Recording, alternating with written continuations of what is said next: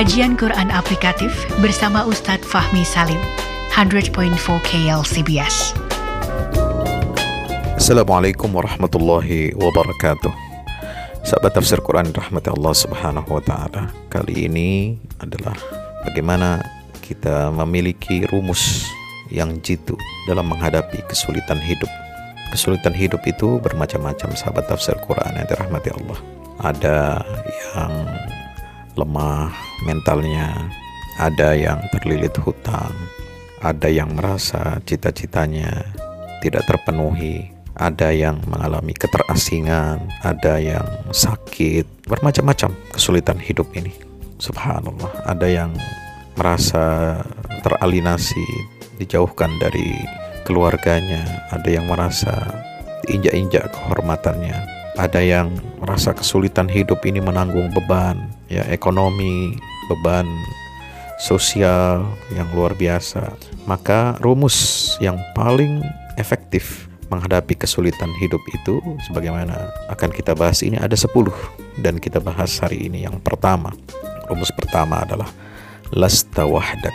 Anda tidak sendirian dalam menghadapi kesulitan hidup. Anda bukan satu-satunya orang yang mengalami kesulitan dalam hidup Anda, dalam karir Anda, dalam hutang Anda, dalam kesehatan Anda, dalam karir Anda. Anda bukan satu-satunya, dan Anda tidak sendirian. Bahkan, banyak yang lebih susah dari Anda.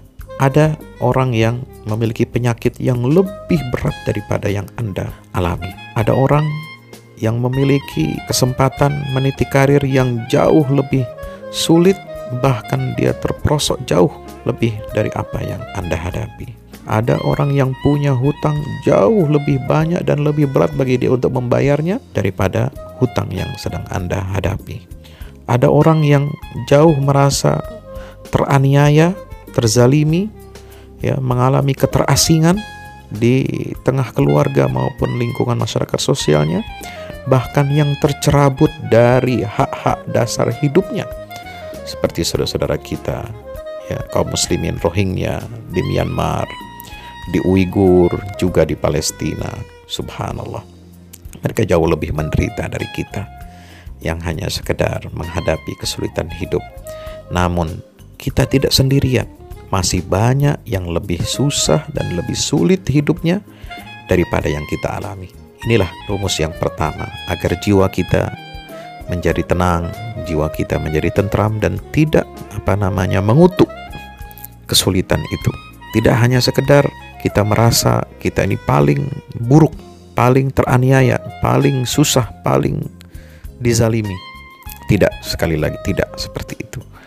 Maka itu rumus yang pertama menghadapi kesulitan itu adalah bagaimana kita menjaga hati kita dan melihat kesulitan orang lain.